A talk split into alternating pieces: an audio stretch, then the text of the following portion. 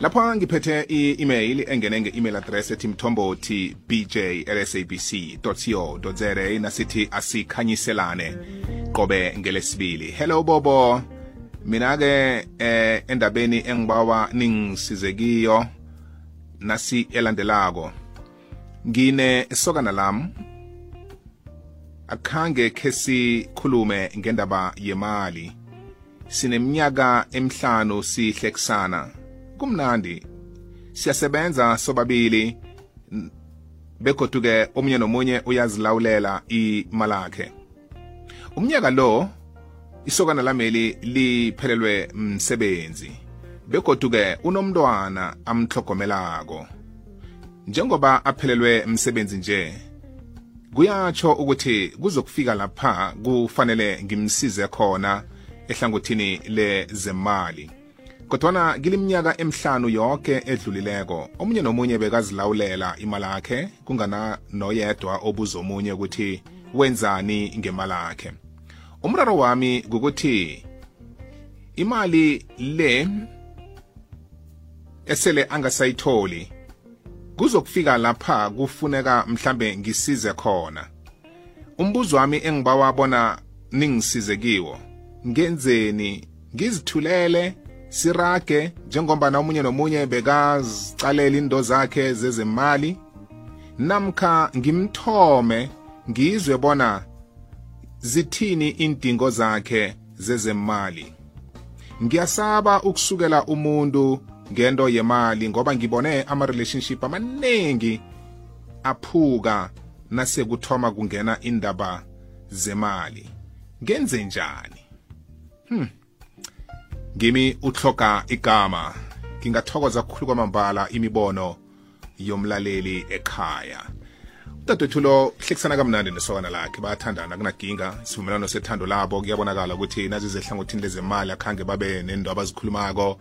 nokuhlanganyela imali nokunikelana imali omunye nomunye bekazilawulela imali akhe mnakwethu phelele imisebenzi siyayibona imisebenzi iyaphela ngaphandle ngapha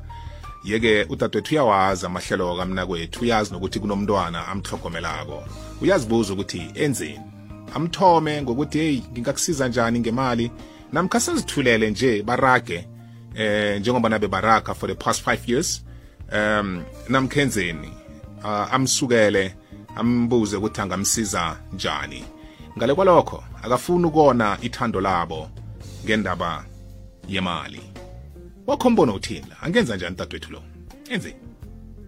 imtato wami anginasiqiniseko sokuthi yangena khe ngayilinga kodwana-ke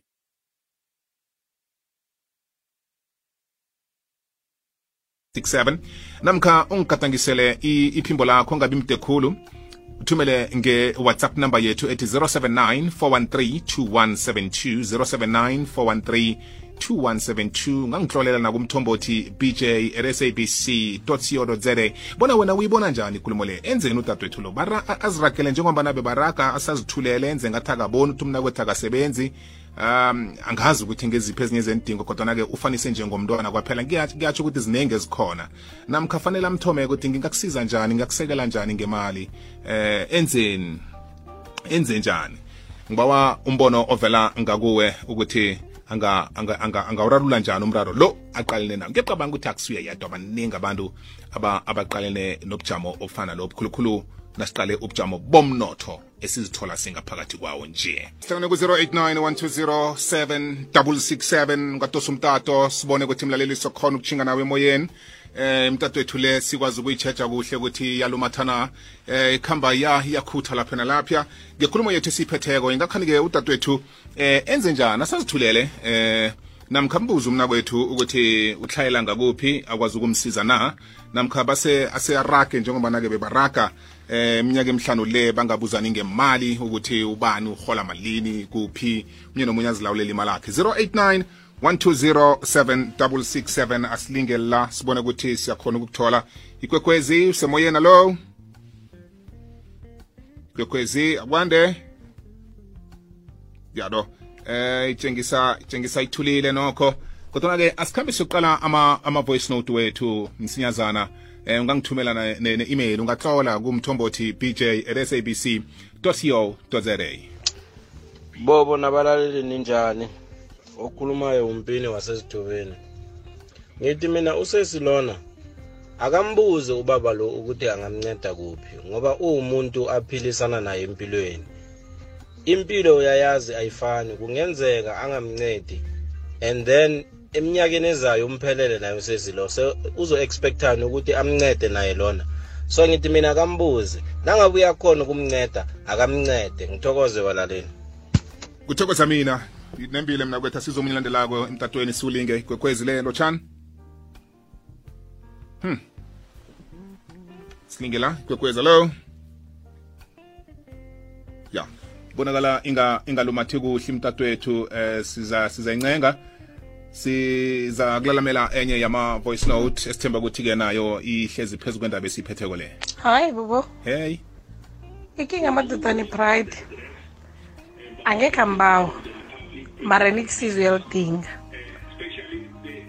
um sesilo angasamthome yena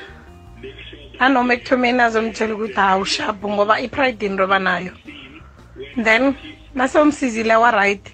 ajike godi athi umkhwele ehloko yena kamthome amtshele nje ukuthi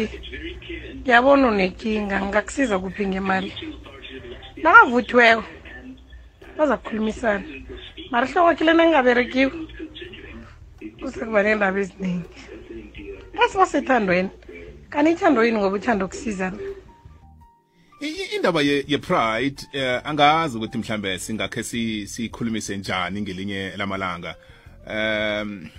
ngitsho lokhu ngoba ngicabanga ukuthi mhlambe nomna kwethu uzithulele nje akafuni ukuthi athunywe udadewethu azibonakalise njengomthwalo phezu kwakhe ngenzeka nomna kwethu mhlambe uyayazi imithwalo yakadadabo lo eh ukuthi injani ehlangothini lezemali mhlambe udadabo yena uthi singase sesihlephule ihloko entethe le eh sibone ukuthi sizayihlephulelana bunjani yabona angiqabanga ukuthi kuzikhukhumeza angiqabanga ukuthi kuzikhukhumeza lento lento iserious khulu le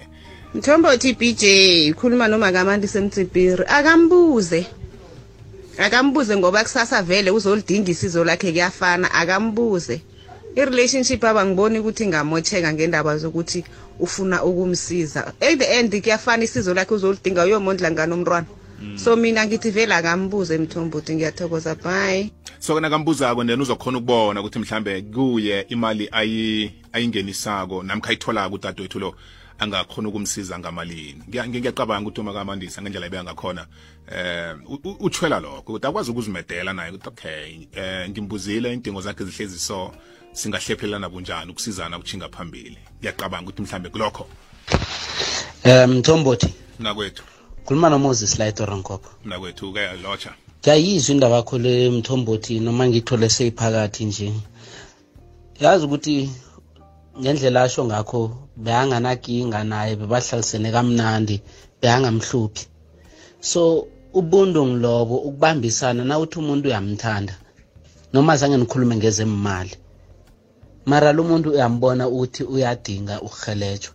angeze akubawe mhlambe uzange kho umbawe wena ini so kuba budisi nakuye so udade lo angakhuluma naye ahlale naye phasi athi sithando sami ngingahona ukuthi ngirhelebhe la nala nangabe uyalidinga isizo lami angabuzi ukuthi uyafuna ngirhelebhe noma njani e-e uyasho ukuthi ngingahona so mthombothi abantu rhelebhana danki mthombothi siyathokoza kune-email ethi hey bobo mina umbono wami ngithi umswa eh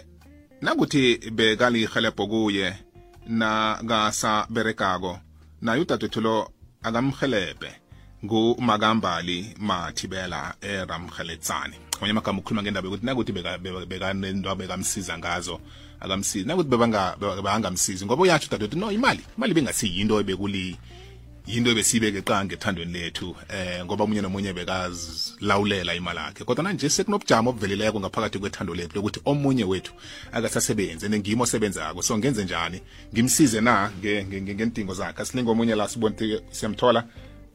semoyena lo sibone la ukuthi yenzani yano eh isabonakala isathulile mntwana ekhaya asirakhele phambili nama-voice notes hawa mthombothi lo tata mna um, i think kumele ukuthi angamsizi ngale mali angithi omunye lo munye bekasebenza ezibonela ngemali yakho omunye naye ezibonela kusho bekangamniki imali yokuthi maybe ayenza izinto zakhe so naye akangamniki next akazithulele nje abheke khosi izandla ziyagezana you can't say uyasebenza ma ungasasebenzi usufuna ukuthi ngikusize mara ngesikhathi usebenza beyonganginiki next ngikupha njani wena imali wena kade unganginiki before hmm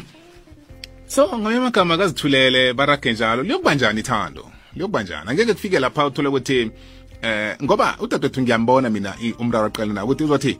lokho nangiphelele emsebenzi azange wangisiza wase wazithulela eh njalo njalo kodwa uqale ukuthi mhlambe nakangamsiza nabaragela phambili abuya mna ukuthi athole umsebenzi ngelinye ilanga uzokukhumbula ukuthi aze ngakhe ngaphelelwa msebenzi ngo-2021 eh udade engihlekisana naye lo wangithwala yazi wangithogomelela umntwana wangisekela ngendonyana ezithileko nezithileko ebekade ziqakathekile kuyatsho ukuthi lapha ngithole umlingani wamambala ngingakhona ukuthi ngimenze umma wekhaya ngezinye zezinto nje ezikhona ngaphakathi kwali kwalikinga lengiqalile namhlanje bobo david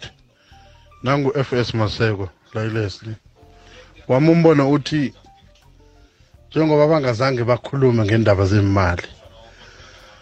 nasele kunje udade lobo kumele ambize bahlale phasi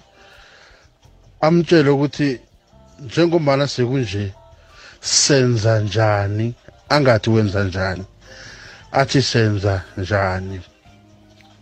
bahlale phasi bakhulume babonisane ngiyathokoza kuthokoza mina siyakuhamba siyokuzwa iwumo lendaba zaka half uh, zaka 3 njenganje ngo half past 2 funa umkhanyo umkhanyo wamambala ufumaneka kukwekwezi fm kukhanya ba